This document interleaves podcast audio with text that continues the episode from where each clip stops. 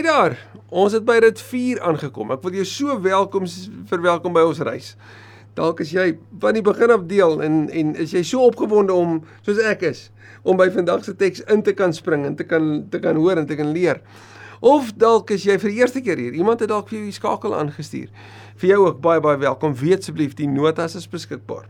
Soos altyd. Stuur net vir e-pos en ek stuur graag dit vir jou. Hier's verskriklik baie kosbare skatte hierin. Wat ek so wens ons tyd gehad het om op hierdie manier dit met mekaar te deel, maar is hier en is ook beskikbaar vir jou. Ek stuur dit graag graag aan. Rit 3 het ons gesien hoe hoe wanneer dit Rit die inisiatief geneem het om sy 2 het Naomi inisiatief geneem om vir Rit 'n plan te gee.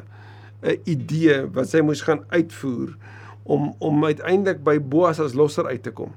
Sy sou in die nag by Boas aankom nadat hy lekker geëet en gedrink het, nadat hy daar by op die hooimiet gaan lê het, daar op die vloer waar die die gars ehm um, weet gedors is, daar waar die koring en die weet kaf van mekaar geskei is en sy by sy voete gaan inkruip. Nie nie hier langs hom nie, maar by sy voete, 'n plek van nederigheid. En hoe hy in die nag wakker skrik en wonder wie's hierdie? En sy dan vir hom sê, maar dis wie sy is en hy uiteindelik vir haar sê maar ek sal doen wat jy van my vra. En sy het hom sê neem my onder die beskerming. Anders gesê kan u met my trou sodat ek bevry kan wees? Uit hierdie situasie ook. Want dis wat die familie reg gesê het van daai tyd. Dis wat jy gedoen het dat jou familie verantwoordelikheid en en dan sê hy vir ek sal doen wat jy van my vra.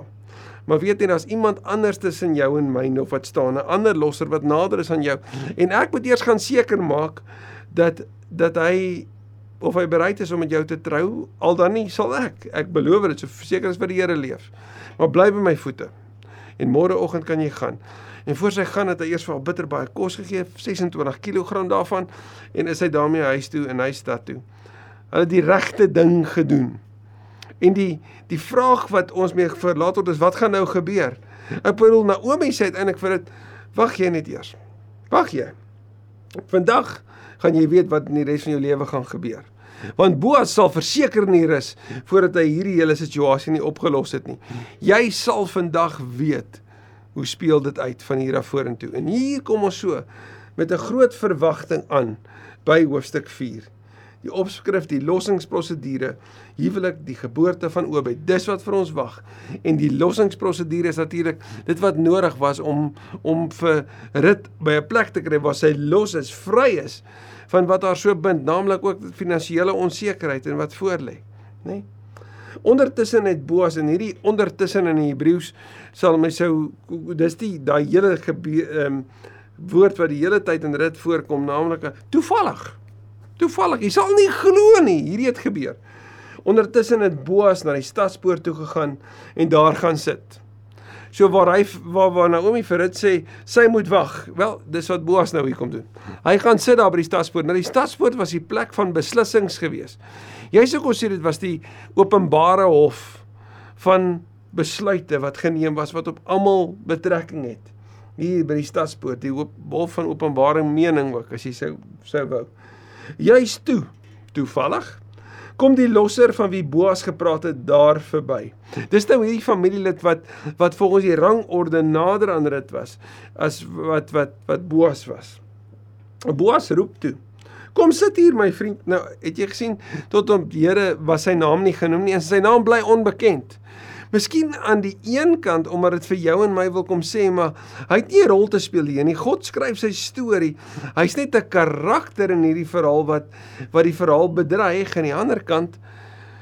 As hierdie losser nie doen wat van hom verwag word nie, dan bring dit skaamte op hom en natuurlik ook op die die clan, die die familiegroep van Elimelech.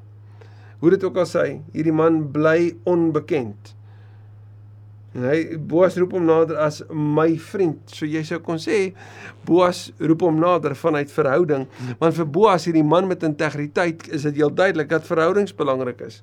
En Boas het die vrymoedigheid om met hom te praat, want Boas is nie agteraf nie. Hy's nie besig om ander planne te maak nie. Hy's nie onderduims nie. Selfs daar deur in die nag saam met Rut alleen het hy die regte ding gedoen, want dis wat mense van die lig doen. Hulle doen die regte ding en ook hier doen hy dit. Kom sit hier by my my vriend. Nadat hy kom sit het, het Boas ook 10 leiers van die stad gevra om daar te kom sit en hulle het dit gedoen. So ons sien iets hiervan van dat Boas wanneer hy praat word daarna geluister. So hierdie man van integriteit dwing ook gesag af. Hierdie 10 leiers, sou mense kan vra maar hoekom 10? Daar word nêrens gesê dat daar ten minste 10 leiers moet wees vir 'n openbare hof om te gebeur, vir openbare beslissing om bekragtig te word nie. Wat wel waar is is dat dit lyk uit latere gebruik dat 10 mans teenwoordig moes wees by die bekragtiging van 'n huwelik. Wat belangrik is, want alles wat hier gebeur, gaan oor 'n huwelik tussen Boas en Rut, of ten minste dan 'n huwelik met Rut. So Boas sê hulle moet hier kom sit en hulle dit toe gedoen. Vers 3 Boas sê toe vir die losser, ekskuus tog. Naomi, die vrou wat uit Moab gekom teruggekom het, bied die stuk grond wat aan ons familielid Elimelech behoort het, te koop aan.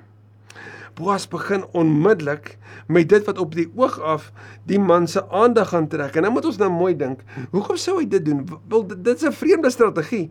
Hy lok die man so half in om waarskynlik dit wat in sy hart leef te openbaar, naamlik die begeerte aan besit en rykdom. Want dis tog wat in die antieke wêreld gebeur het.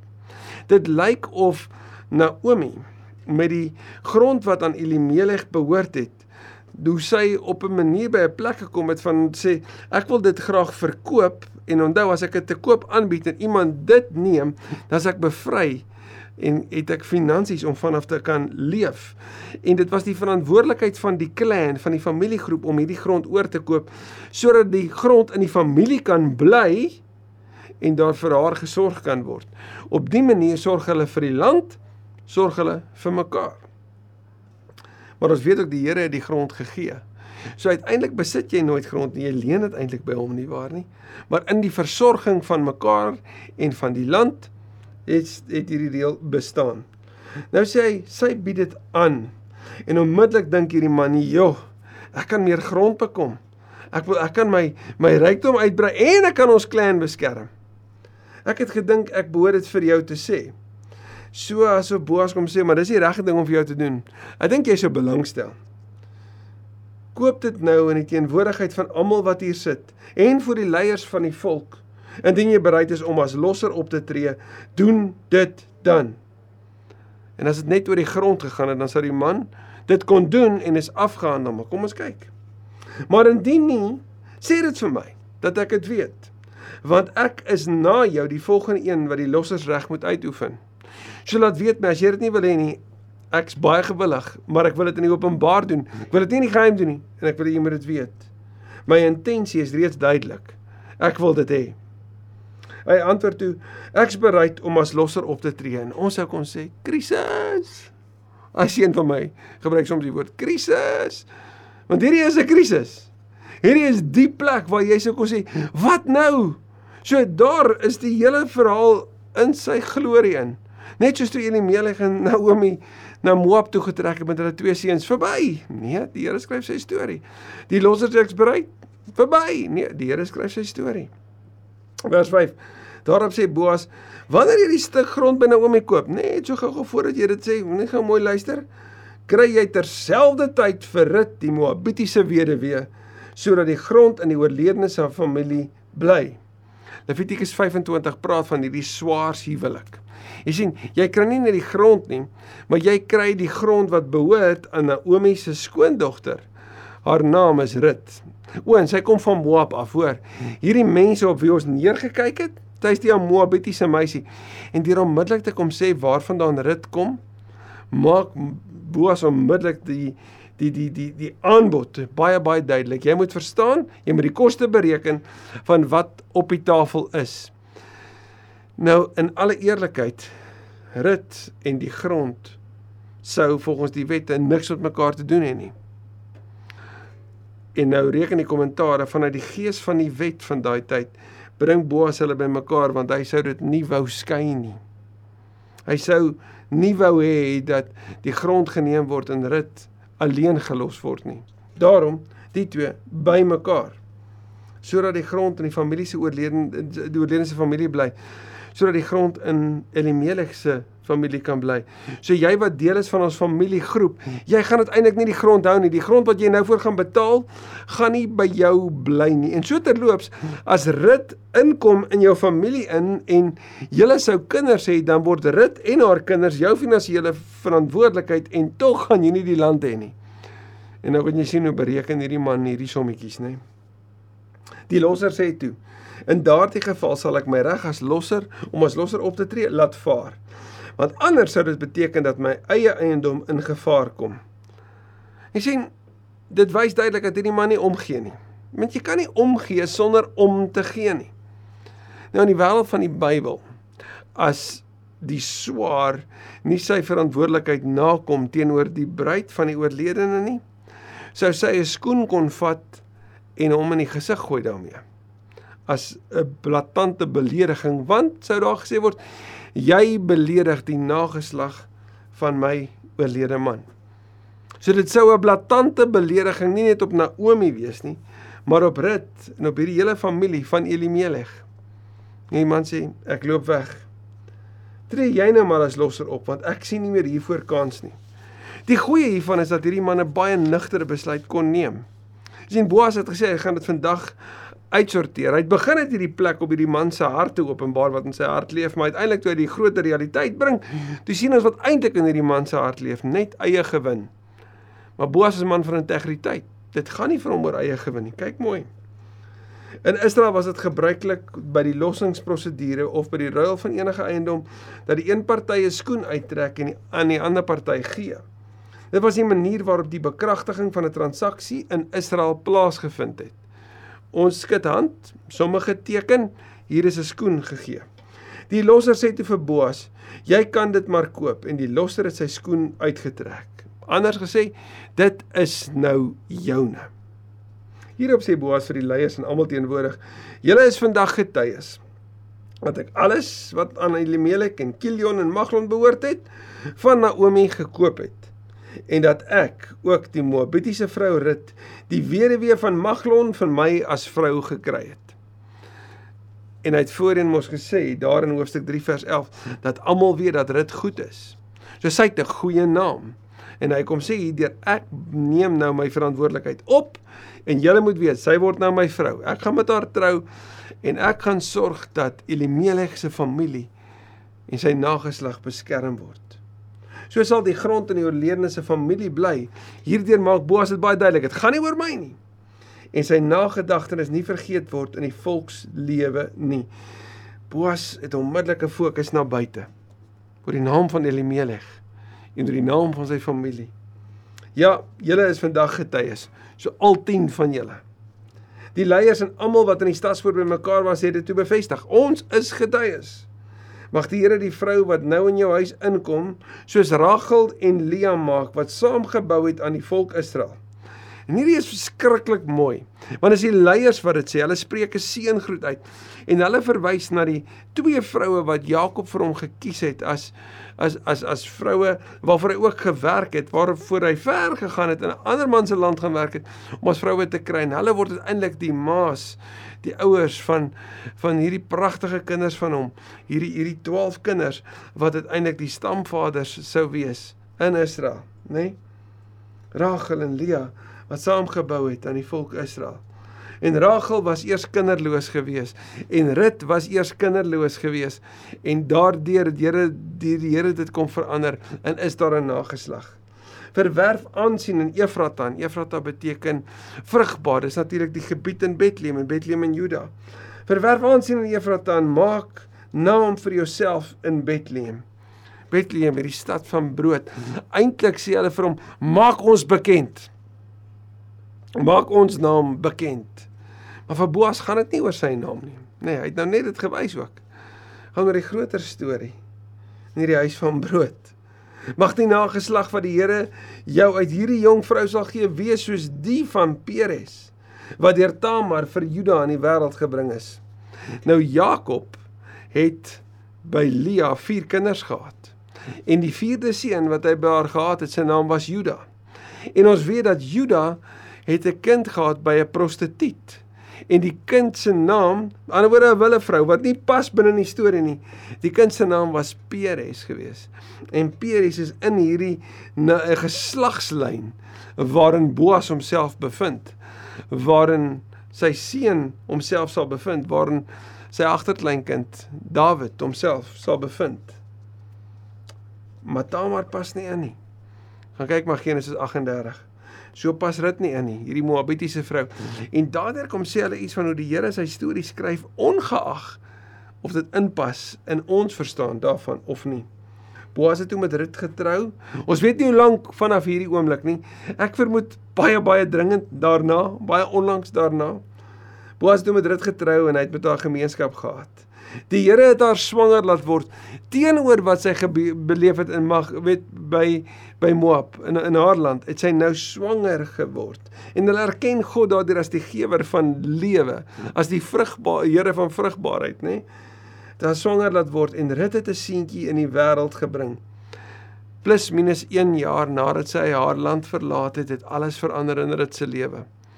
Vanaf 'n weduwee wat kinderloos was na 'n vrou met 'n toekoms. Vanaf iemand wat onseker was en armoede in die gesig gestaar het na mamma wat versorg word deur 'n man wat goed is, 'n man van integriteit in 'n ruimte in 'n nuwe land waarin daar eer en erkenning aan die Here is. Hoe dramaties het haar tyd nie verander of het haar lewe nie verander in 'n kort tydjie nie. Die vrouens sê toe van Naomi, aan die Here kom die lof toe. So die fokus is altyd aan hom. Hy kry die eer omdat hy vandag vir jou 'n losser gegee het. En die vraag was die vandag wel dan as dit vandag is dan kan dit tog nie Boas wees nie want Boas is nou al vir meer as 9 maande in jou lewe. So wie is hierdie losser? Wel die losser is Obed die seun wat gebore sal word. Maar sien, hierdie seun het 'n verantwoordelikheid om vir sy ma te sorg en nie net vir sy ma nie, daardeur ook vir sy ouma. So Naomi se toekoms is verseker. Sy sal versorg word en haar nageslag sal versorg word en vir dit is daar verlossing van haar krisis wat sy gehad het toe sy aangekom het by in Bethlehem. Sy het toe nie 'n toekoms gehad nie. Sy het nie idee gehad hoe hierdie ding homself sal uitspeel nie. Sy het geen hoop gehad nie. Dit was katastrofies in haar lewe en nou is almal saam met haar bly. Want die Here skryf sy storie. En sy het 'n losser gekry. Die Here het vir haar die losser gegee. Mag die losser se naam bekend wees in Israel en mag hy vir jou vreugde bring en jou op jou ou dag versorg. Dit was die rol van familie toe jou skoondogter wat jou liefhet. Dit is so waar dat dit oor dit gesê word, nê? Nee? En almal het dit erken. En wat vir jou meer werd is as sewe seuns het hom in die wêreld gebring. Sy het aan hom geboorte geskenk. Naomi het toe die seentjie op haar skoot gevat en as haar eie aangeneem. En daar was nie 'n gebruik gewees in die wêreld van die Bybel waarin 'n ouma haar kleinkind as eie kind aangeneem het nie. Daar was nie so iets nie. Dit was nie 'n bekende gebruik nie, dit was nie aanvaarbare gebruik nie. sien die Hebreëus hierin sê Naomi het haar op sy haar skoot geneem en haar teen hom vasgedruk. Dis die implikasie. Dis nie net om op die skoot te sit en dalk 'n bietjie te wieg nie. Nee, sy het hom vasgedruk. Sy het hom lief gekry en om te sê as haar eie aangeneem in Hebreëus dui dit op sy het hom versorg. En dis mos wat 'n ouma doen. Hulle bring die klein kinders in en met soveel liefde en teerheid versorg hulle hulle. Gee hulle vir hulle al die aandag en al die omgee. Hierdie skoondogter van haar wat eintlik haar eie dogter was in haar in haar hart. Sy kind was vir haar soos haar eie want dit is haar familie. Dis mos hoe dit werk om so lief te hê. Haar buurvroue het die seentjie toe 'n naam gegee. En hier is dit vir my vreemd dat die buurvroue die naam gee want gewoonlik met die pa dit doen. Maar wat se naam kies die buurvroue, die samelewing daar vir hierdie seentjie? Hulle het hom Obed genoem. En Obed beteken dienaar. Dienaar. En later sou die nageslag van Obed die groot dienskneg van alle tye, die grootste dienskneg sien gebore word. Ook deur 'n onverwagse jong meisie op 'n onverwagse plek in Bethlehem. Die dienaar is gebore en hulle het gesê 'n seun is vir Naomi gebore Obed was die voorvader van Dawid en dit was die punt van hierdie hele rit verhaal. Dis wat dit vir ons kom vertel. Dis wat dit bind tussen die rigtertyd en en wat in Samuel gebeur. Dis die vooraf storie vir Dawid. En dan hierdie verbintenis en ek en jy kry hierdie selfde geslagsregister aangehaal in Matteus 1 daar vanaf vers 3. Hier is na die geslagsregister van Peres. Peres was die vader van Gershon. Gesron van Ram, Ram van Aminadab, Aminadab van Nagson, Nagson van Salmon, Salmon van Boas, Boas van Obed, Obed van Isai en Isai was die vader van Dawid. Dawid die koning uit Bethlehem. Bethlehem die stad van Dawid. En later sou gebore word die dienaar hier in die stad van Dawid die huis van brood. En wanneer hy sy lewe gee, dan sal hy sê hierdie brood is vir julle. Hierdie brood is my liggaam. En 5 km daarvandaan in Jerusalem, die plek waar die tempel gebou sou word, waar daar geslag sou word, geoffer sou word, waar die skuld bely sou word, nie ver daarvandaan nie, sou die lam van God sy lewe gee. sien Rut is 'n baie belangrike karakter 'n baie belangrike rolspeler in God se storie. En toe Naomi en haar man ooglopend ongehoorsaam was deur weg te loop, was God nie klaar nie. En toe Naomi se se lewe op so 'n donker plek eindig dat daar net dood om haar is, is God nie klaar nie. En toe sy in skaamte terugkom in Bethlehem en haar mense met blydskap ontvang, haar ontvang, is God nie klaar nie. En toe haar skoondogter inisiatief neem, is God nie klaar nie. En toe sy dink aan 'n plan is God nie klaar nie en daar in die nag op die onverwagse was God nie klaar nie. En uiteindelik deur twee mense van super integriteit sien ons iets van hom wat eeue later gebore sou word, wat die regte ding gedoen het altyd. Al was hy die enigste een. Hy wat die prys betaal het en as verlosser aanbid word. Dit is so 'n mooi verwysing na wat sou kom. Baie dankie Here dat ons iets van die groter lyne van die evangelie en van u woord ook in hierdie boek kan raak sien, kan ontdek. Eintlik is ons net stil. Want dit is so groot. Mag ons verantwoordelik hiervan af opstaan en met dit wat u in ons lewe kom deponeer dit vandag gaan leef. Met die wete dat ook in ons lewe en in ons eie storie is u nie klaar nie. Ons weet nie wat kom nie. Maar as die storie van Rut enigstens vir ons vandag iets sou skree, sou dit wees moenie opgee nie. Want die Here doen nie. Dankie Here God vir u woord vir die waarheid daarvan. Ons eer u in Jesus se naam. Amen. Ons is op hierdie oomblik op pad na Kerstyd toe. Die tyd waarin ons juis die geboorte van die Messias in Bethlehem eer. En as dit Kersfees in jou lewe op hierdie oomblik daar naby of naby Kerstyd is, of dalk is jy op 'n ander tyd van die jaar besig om hierna te kyk. Ek wil net so bid dat jy sal besef hoe lief die Here jou het en hoe ernstig hy was toe hy daai nag gebore was in 'n stal in Bethlehem. Mooi dag vir jou.